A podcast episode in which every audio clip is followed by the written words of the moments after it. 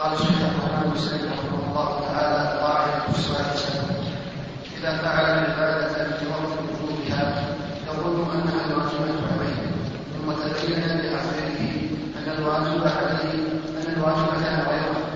فإنه يجزئه وإذا الصور ويتفق أن إذا خفيت الخلاف على خلل الشرع ثم تبين فإنه اتبع في أصحه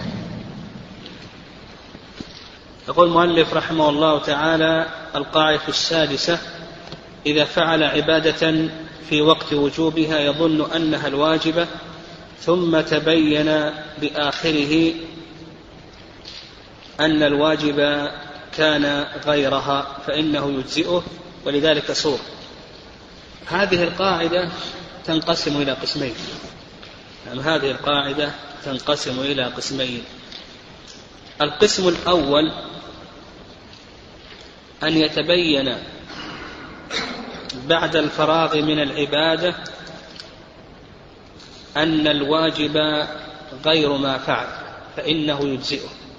والقسم الأول أن يتبين بعد الفراغ من العبادة أن الواجب غير ما فعل فإنه يجزئه. ومن أمثلة ذلك من أمثلة ذلك. من عجز عن الحج.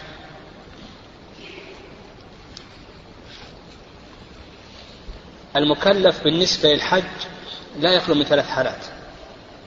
الحالة الأولى أن يكون قادرا بماله وبدنه فهذا يجب عليه أن يحج فورا. يجب عليه أن يسعى إلى الحج فورا. القسم الثاني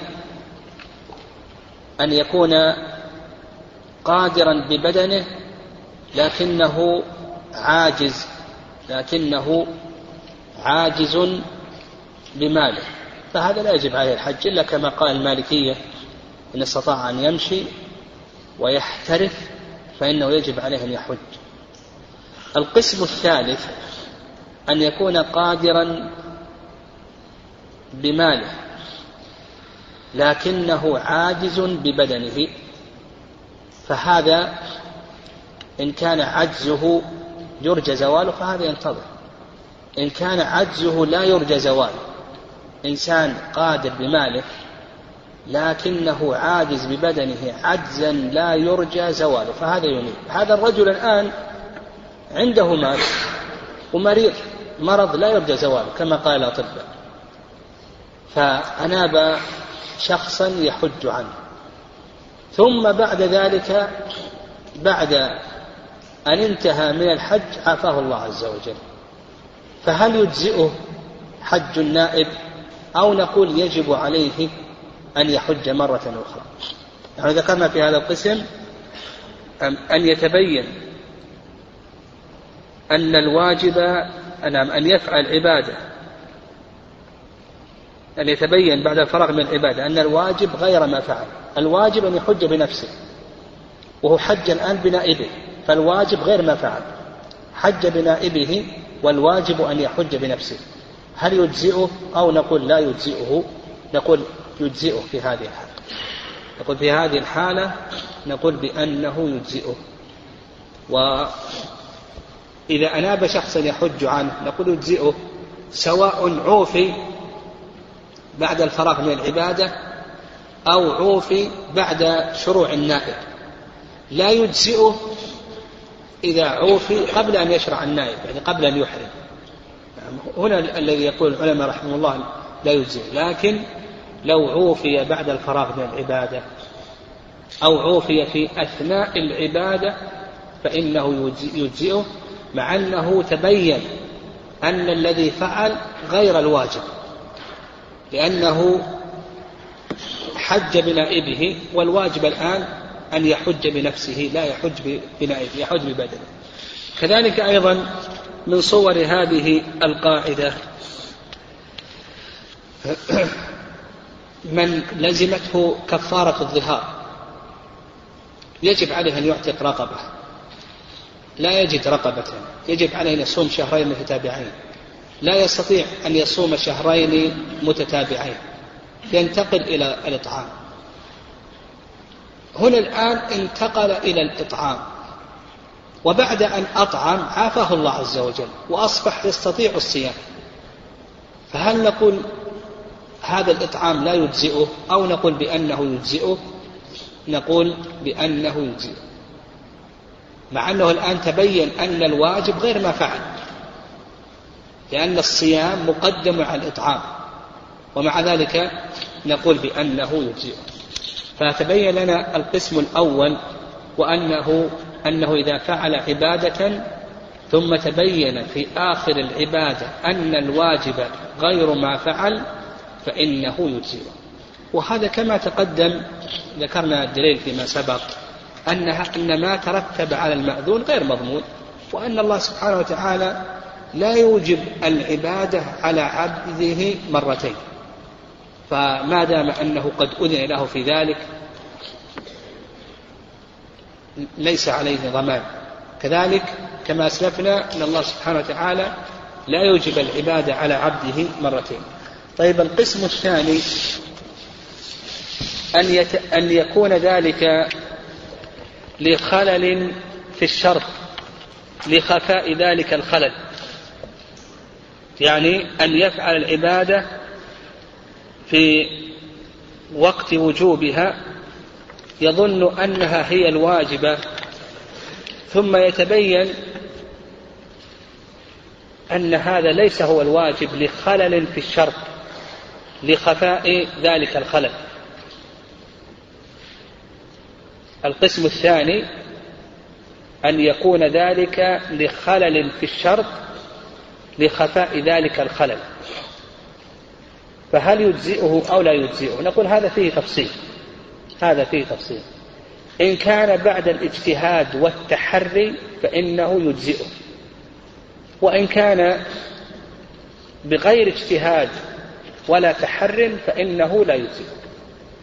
يقول القسم الثاني إذا تبين أن العبادة التي فعل غير الواجب عليه لخلل في الشرط. نقول إن كان ذلك بعد الاجتهاد والتحري فإنه يجزئ وإن كان بغير اجتهاد ولا تحري فإنه لا يجزئ. مثال ذلك مثال ذلك إنسان مسافر إنسان مسافر اجتهد في طلب القبلة. ف آه، هو من أهل الاجتهاد. يعرف علامات القبلة وكيف يستدل بها فاجتهد. ثم بعد ذلك صلى. وبعد أن انتهى من الصلاة تبين أن القبلة على خلاف الجهة التي صلى عليها. نقول بأنه يجزئه ما دام أنه اجتهد وتحرى نقول بأنه يجزئه أيضا من الأمثلة رجل دفع زكاته إلى فقير. يظنه فقيرا إلى رجل. دفع زكاته إلى رجل يظنه فقيرا بعد الاجتهاد والتحري. ثم تبين أنه غني. فنقول بأنه يجزئه ولا يجب عليه أن يعيد الزكاة مرة أخرى. ويدل ذلك قصة معن بن زائدة رضي الله تعالى عنه. أما إذا كان بغير اجتهاد وتحري فإنه لا يجزئه فمثلا في المثالين السابقين رجل دفع الزكاة إلى رجل دون أن يجتهد. هل هو من أهل الزكاة أو ليس من أهل الزكاة؟ إلى آخره. فنقول بأنه لا يجزئه أو إنسان صلى دون أن يجتهد وهو من أهل الاجتهاد ثم أخطأ القبلة فنقول بأنه نقول بأنه لا يجزئه. نعم. قال رحمه الله تعالى القاعدة السابقة من تلبس بعبادة ثم وجد قبل قضائها ما كان واجبا له قبل الشهور فكان هو الواجب دون ما تلبس به هل يلزمه الانتقال إليه ان ويمسك هذا على ضربين أحدهما أن يكون المتلبس به أن يكون المتلبس به مصطفى. أن يكون المتلبس به مصطفى عامة شرع التفسير على المكلف والتسليم عليه. مع إمكان إتيانه بالأصل على ضرب على ضرب من المشقة والتكلف فهذا لا يجب عليه الانتقال منه بوجود الأصل. كالمتمتع إذا علم الهدي فإنه مفصل له بالصيام مصطفى عاما حتى لو قدر حتى لو قدر على الشرائع امتنع من ذمته وهو مرسل في بلده لم يلزم والضبط الثاني أن يكون المتلبس به إنما شرع وهو بالعجز عن الأصل وتعلمه وتعلمه فهذا يلزمه الانتقال من الأصل عند القدرة عليه ولو في أثناء التلبس في البدن كالعدة الأشهر فإن هذا يعتبر بحال مع القدرة على الانتقال بالفعل وهذا هو مسألة مترددة بين القولين كالشارع في الصيام كفارة يجب غضبا وكالشارع في الصلاة بالتيمم يجب الماء وكالحكم الخارجي أن العبث إذا ليس على مدة وزال على الشرع القاعدة السابعة. يقول لك المؤلف رحمه الله تعالى من تلبس بعبادة ثم وجد قبل فراغها ما لو كان واجدا له قبل الشروع لكان هو الواجب دون ما تلبس به. يعني يقول لك المؤلف رحمه الله هذا رجل تلبس بعبادة وشرع في هذه العبادة وقبل أن ينتهي من هذه العبادة وجد ما لو كان واجدا له قبل الفروغ لك قبل الشروع لكان هو الواجب. يعني هذه العبادة على مراتب. فانتقل إلى المرتبة الثانية. ثم بعد ذلك وجدت المرتبة الأولى. يعني هذه العبادة على مراتب. انتقل إلى المرتبة الثانية. دون المرتبة الأولى لكونه عاجزا عن المرتبة الأولى أو لما ذكر المؤلف رحمه الله لكون الثانية شرعت لأجل الضرورة. المهم هذه العبادة شرعت على مراتب فانتقل إلى المرتبة الثانية ثم وجد في الأولى. هل يجب عليه أن ينتقل للأولى أو لا يجب عليه أن ينتقل للأولى؟ هذه القاعدة تنقسم إلى قسمين.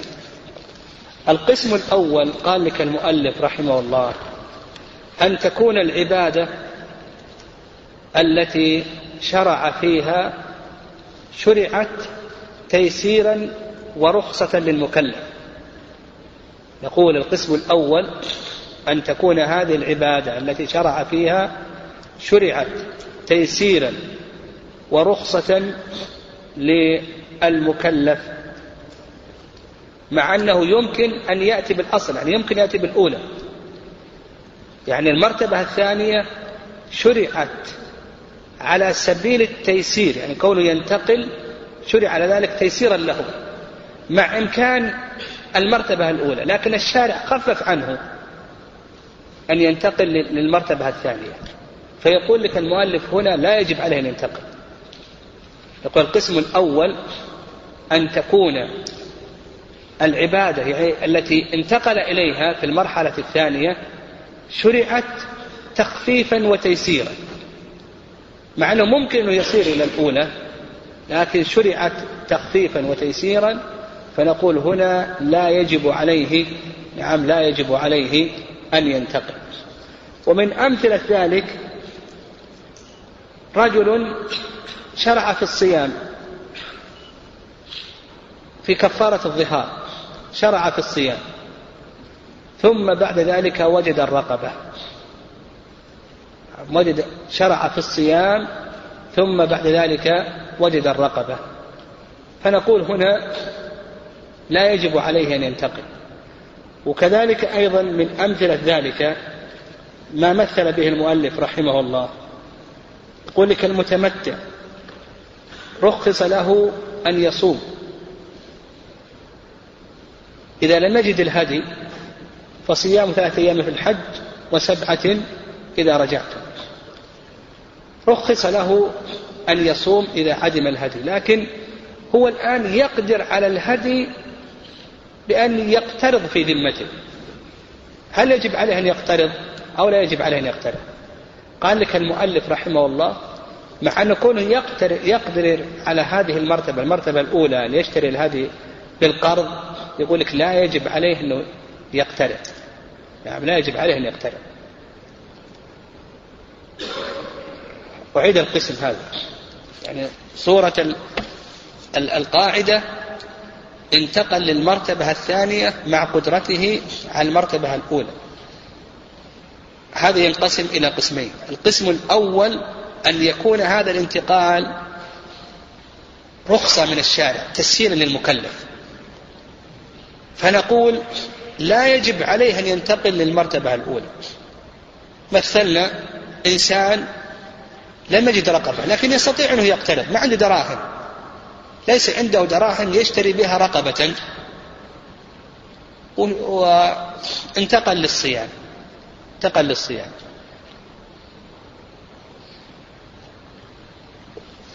آه، آه، نقول ليس عند آه، إنسان لم يجد الرقبة.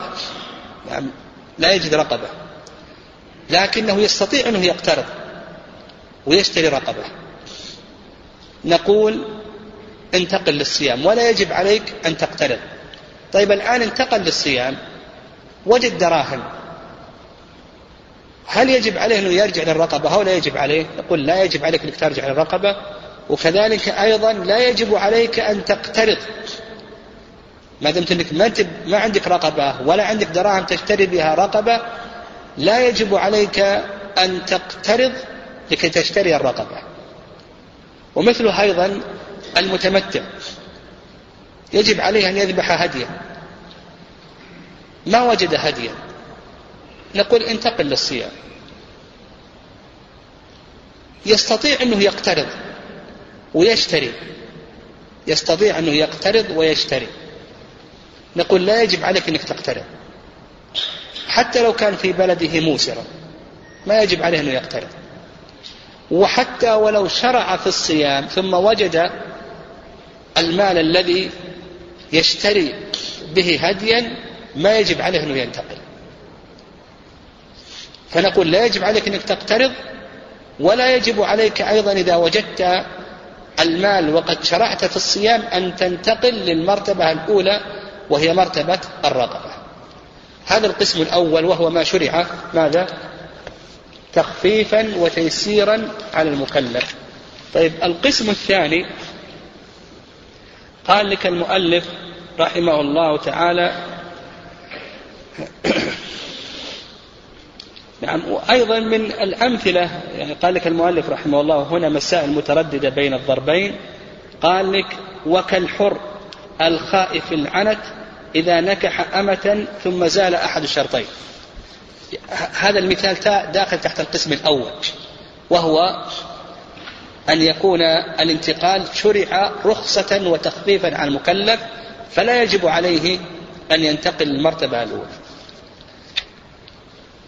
هذا الحر لا يجوز له أن يتزوج الأمة. يقول الإمام أحمد رحمه الله الحر إذا تزوج أمة رق نصفه لأن أولاده يكونون تبعا لأمهم يكون أرقة تبعا لأمهم. فالشارع منع الحر أن يتزوج أمة إلا بشرطين. ومن لم يستطع منهم طولا أن ينكح المحصنات. ما يجد المهر. نعم لا يجد مهر الحرة. ذلك لمن خشي العنة منكم. يعني تلحقه مشقة في العزوبة يعني الانفراد عن الزوجة. يحتاج إلى الزوجة إما للخدمة أو للمتعة. يحتاج. توفر الشرطان جوز له الله سبحانه وتعالى أن يتزوج الأمة بالشرطين.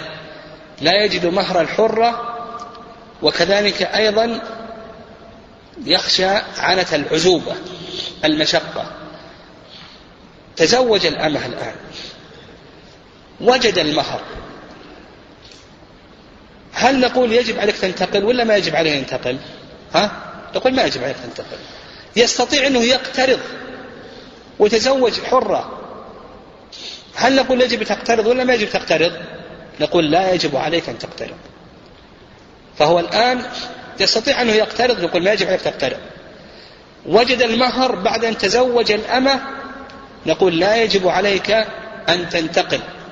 نعم لا يجب عليك أن تنتقل إلى زواج من ما هي من هي؟ الحرة. يعني هذا القسم الأول وهو أن يكون آه، المتلبس به شرع أو, أو, أو نقول المرتبة التي انتقل إليها شرعت رخصة وتخفيفة وتخفيفا على المكلف. طيب المرتبة الثانية أن يكون ذلك أن, أن, أن تكون المرتبة التي انتقل إليها شرعت للضرورة فهنا ينتقل. نقول المرتبة الثانية أن تكون الرخصة التي أن تكون المرتبة التي انتقل إليها شرعت بأي شيء؟ من أجل ماذا؟ قال لك من أجل الضرورة للعجز عن الأصل. ثم وجد الأصل. يعني وجدت المرتبة الأولى.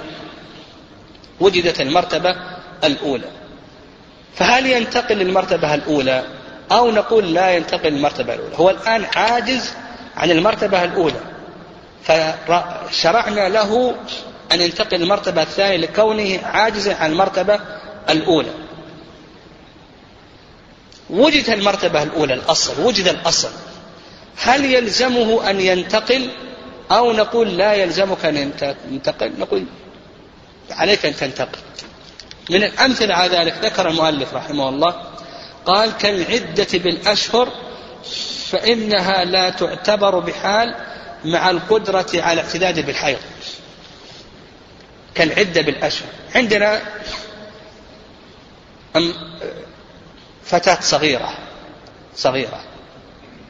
طلقها زوجها. ولنفرض أن عمرها ثمان سنوات. وطلقها زوجها. ما حاضت. إيش نقول؟ تعتد بأي شيء؟ بالأشهر. ثلاثة أشهر. شرعت في الشهر الأول. بعد أن مضى الشهر الأول جاء دم الحيض. ها وش نقول هنا؟ نقول تنتقل للاعتداد بالحيض. هنا الآن شرعت بالأشهر لكنها انتقلت إلى المرتبة الثانية لأنها تعجز عن المرتبة الأولى وهي الحيض لكونها ليست من ذوات الأقرع فنقول إذا وجد دم الحيض فإنها تنتقل إلى الحيض لأن هذا هو الأصل. نعم. ومن المسائل أيضا قال لك كالشارع بالصلاة بالتيمم يجد الماء. هذا رجل لم يجد الماء. ثم بعد ذلك تيمم وشرع في الصلاة. ثم جاء الماء كبر تكبيرة الإحرام. بعد أن كبر تكبيرة الإحرام وجد الماء. فنقول هنا يرجع إلى الأصل.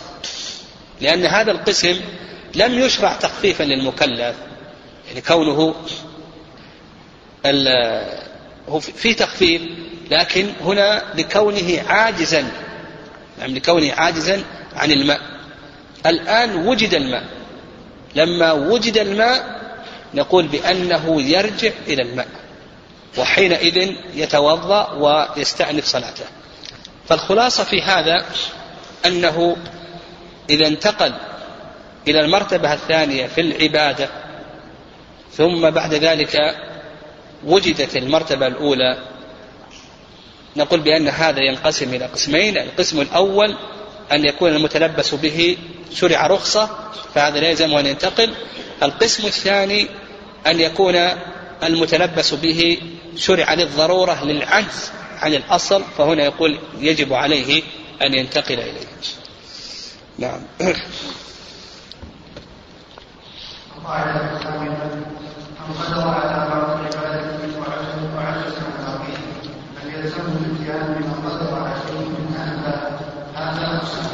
نعم لعلك لا تقرأ نعم لأن هذه طويلة.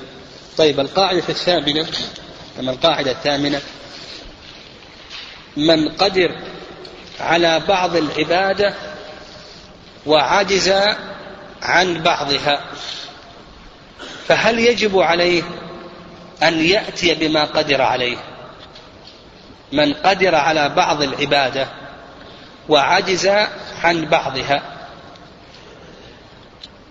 فهل يسقط ما يقدر عليه للعجز عن البعض؟ أو نقول بأن ما تقدر عليه يجب عليك أن تأتي به. هذه القاعدة تحتها خمسة أقسام. ذكر المؤلف رحمه الله تحت هذه القاعدة خمسة أقسام. القسم الأول أن يكون المقدور عليه وسيلة محضة. أن يكون المقدور عليه وسيلة محضة. فهنا نقول لا يجب عليه أن يأتي به. يقول القسم الأول أن يكون المقدور عليه وسيلة محضة.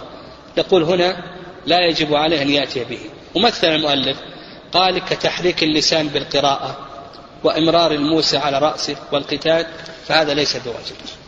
الأخرس يجب عليه أنه المصلي يجب عليه أنه يقرأ لكن الأخرس هل نقول تحرك لسانك وشفتك بالصلاة؟ أو نقول لا تحرك؟ ها؟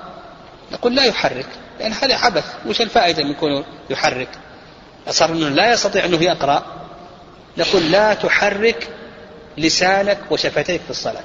هذه وسيلة. وسيلة للقراءة وسيلة للأذكار الواجبة.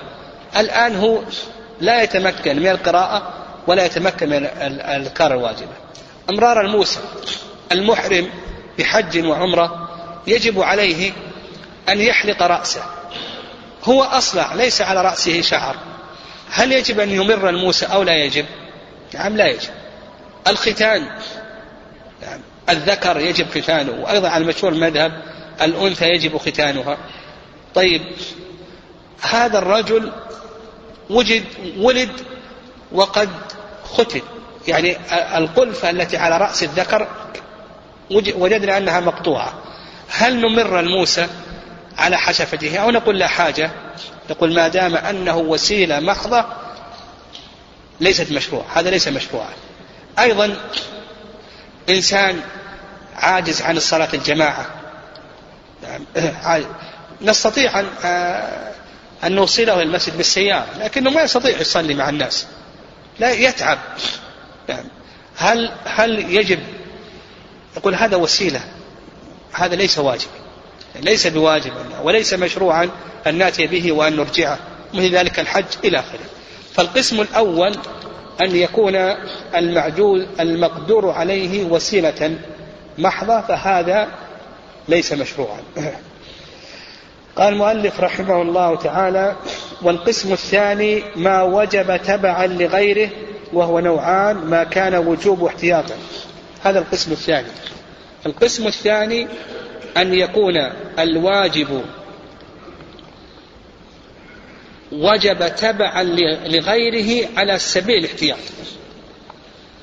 نقول القسم الثاني أن يكون وجب تبعا لغيره يعني ليس واجبا على سبيل الاستقلال وإنما هو على سبيل التبع احتياطا. القسم الثاني ما وجب على سبيل التبع احتياطا وليس عبادة مستقلة. ومثل المؤلف رحمه الله تعالى قال لك كغسل رأس المرفقين في الوضوء فإذا قطعت اليد من المرفق هل يجب غسل رأس المرفق الآخر أم لا على وجهين؟ هذا إذا بقي شيء من العبادة إلى آخره. هذا القسم الثاني ما وجب على وجه التبع للاحتياط نقول إن بقي شيء من هذه العبادة فإنها تفعل.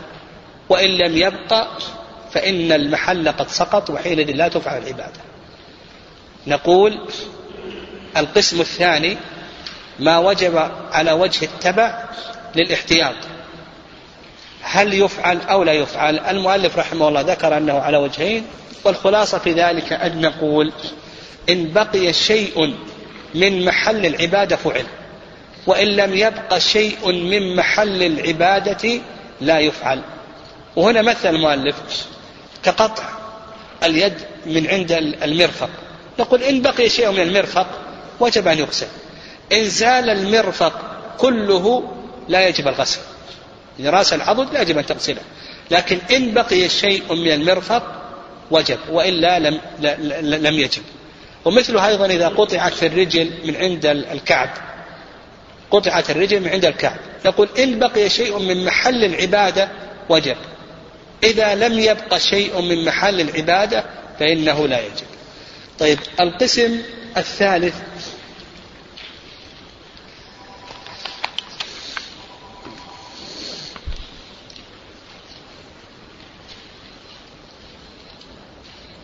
قال ما وجب والثاني ما وجب تبعا لغيره على سبيل التكميل واللواحق. هذا القسم الثالث. القسم الثالث أن تكون العبادة وجبت على سبيل التبع أو نقول أن تكون العبادة وجبت تبعا لغيرها على سبيل اللواحق. فهنا لا تجب. نقول أن تكون العبادة وجبت تبعا لغيرها على سبيل اللواحق فنقول بأنها لا تجب.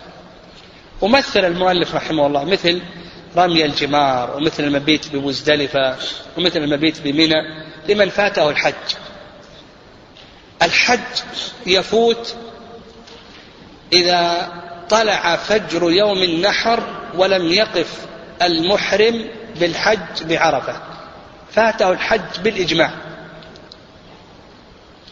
يعني إذا طلع فجر يوم النحر وهو لم يقف بعرفة فاته الحج بالإجماع. الآن فاته الحج. بقية أعمال الحج. هل يجب هل يجب عليه أن يفعلها؟ أو أو نقول بأنه لا يجب عليه أن يفعلها. هذه الأعمال وجبت تبعا لغيرها على سبيل اللواحق فهذا موضع خلاف لكن الصواب أنه ما يجب عليه. ما نقول لمن فاته الحج يجب عليك أنك تقف مع الناس بمنى آه، تبيت بمنى تبيت بمزدلفة ترمي الجمار إلى آخره أيام التشريق نقول لا يجب عليه لأن هذه الأشياء وجبت تبعا لغيرها على سبيل اللواحق فتسقط عنه تبعا للحج الذي فاته. وعلى هذا يتحلل بعمرة إلى آخره. هل يجب عليه دم إلى آخره؟ المهم كما ذكر العلماء رحمه الله في أحكام الفوات. فالقسم الثالث ما وجب تبعا لغيره على سبيل اللواحق فنقول بأنه يسقط. لأن هذا من توابع الحج وقد فات الحج. قال والقسم الثالث وهو الرابع ما هو جزء من العبادة وليس عبادة في نفسه بانفراده أو هو غير مأمور أو هو غير مأمور به لضرره أو هو غير مأمور به لضرره. فالأول كصوم بعض اليوم لمن قدر عليه وعجز عن إتمامه فلا يلزمه بغير خلاف. هذا القسم الرابع. القسم الرابع ما كان جزءا من العبادة لكنه ليس بنفسه عبادة مستقلة. ما كان جزءا من العبادة لكنه بنفسه ليس عبادة مستقلة. فنقول هذا لا يجب. وذكر المؤلف رحمه الله تعالى قال لك إما أن يكون ليس عبادة في نفسه أو يكون غير مأمور به. إما أن يكون ليس عبادة بنفسه يعني ما كان جزءا من العبادة لكنه ليس عبادة مستقلة. ذكر المؤلف رحمه الله أنه نوعان. النوع الأول أنه ليس عبادة مستقلة بنفسه فهذا ليس بلازم. ومثل المؤلف رحمه الله قال لك مثل المريض الذي يستطيع أن يصوم بعض اليوم لكن لا يستطيع أن يكمله. هو يقول أنا أستطيع أن أصوم إلى الظهر لكن لا أستطيع أن أكمل إلى الغروب. فهل نقول يجب عليك أنك تصوم إلى الظهر؟ أو نقول لا يجب؟ نقول لا يجب عليه لأن صيام لأن صيام نصف يوم هذا ليس مأمورا به ليس عبادة بنفسه. فما دام أنه ليس مأمورا به نقول بأنه لا يلزم. أو قال نعم ليس عبادة في نفسه أو هو غير مأمور به. فنصف يوم هذا ليس عبادة بنفسه وأيضا ليس مأمورا به أيضا قال لك أو غير مأمور به والثاني كعتق بعض الرقبة في الكفارة فلا يلزم القادر عليه. إذا عجز عن التكميل. فالأول ليس عبادة بنفسه نصف يوم الثاني غير مأمور به والأول أيضا غير مأمور به. والثاني أيضا يقول لك المؤلف رحمه الله غير مأمور به لكنه عبادة بنفسه لكنه غير مأمور به. الثاني كونك تعتق بعض الرقبة هذه عبادة لكنك لست مأمورا بها. أنت مأمورا أنت مأمور أن تعتق رقبة كاملة. فإذا كان الإنسان يقدر على بعض الرقبة ولا يقدر على جميع الرقبة في كفارة القتل أو كفارة الظهار أو الوطء في رمضان إلى آخره فهل نقول يجب عليك أن تعتق ما تقدر عليه؟ نقول لا يجب عليه أن يعتق ما يقدر عليه ولو كان يقدر على بعض رقبة لأن الشارع إنما أمره أن يعتق رقبة كاملة ولم يأمره أن يعتق بعض رقبة. قال لك لأن الشارع قصده تكميل العتق مهما أمكن ولهذا شرع السراية والسعاية. شرع السراية والسعاية. السراية إذا أعتق بعض رقيقه سرى عليه يعني يسري عليه. وحينئذ آه، يجب عليه يسري عليه ويعتق الكل. ولو كان الرقيق أيضا مشتركا. فأعتق بعض الشريكين نصيبه فإنه يسري عليه ويسدد لشريكه. طيب هو ما يجد. يعني مثلا هذا زيد رقيق بين رجلين. جاء الأول وأعتق نصيبه. نقول يسري عليك. ويجب عليك أنك تعطي شريكك القيمة الباقية. هذا له النصف وهذا النصف. أعتق نصفه سرى عليه وعتق عتق كل الرقيق وتعطي رقيق شريكك قيمة النصف. طيب ما ما وجد شيء. يعني قال بعض العلماء الرقيق يكون مبعضا. وقال بعض العلماء يستسعى الرقيق. ولهذا قال لك المؤلف السعي كيف يستسعى تقول للرقيق اعمل حتى تسدد للشريك النصف الباقي. إن كان الشريك الذي أعتق إن كان موسرا فإنه يسري عليه العتق. إذا كان معسرا إذا كان معسرا قال بعض العلماء يستسعى الرقيق يعني يؤمر الرقيق بأن يسعى ويحصل حتى يعتق كله. وقال بعض العلماء بأنه يبقى مبعضا وهذا قال لك المؤلف رحمه الله لهذا شرعت السراية والسعاية في الرقيق لأن الشارع يتشوف إلى الحرية. قال فلا يشرع عتق بعض الرقبة القسم الخامس والأخير. خلي بعد الصلاة. بعد الصلاة. ها؟ باقي طيب. القسم الخامس والأخير قال لك ما هو جزء من العبادة وهو عبادة مشروعة في نفسه فهذا يجب فعله. عند تعذر فعل الجميع. القسم الخامس والأخير.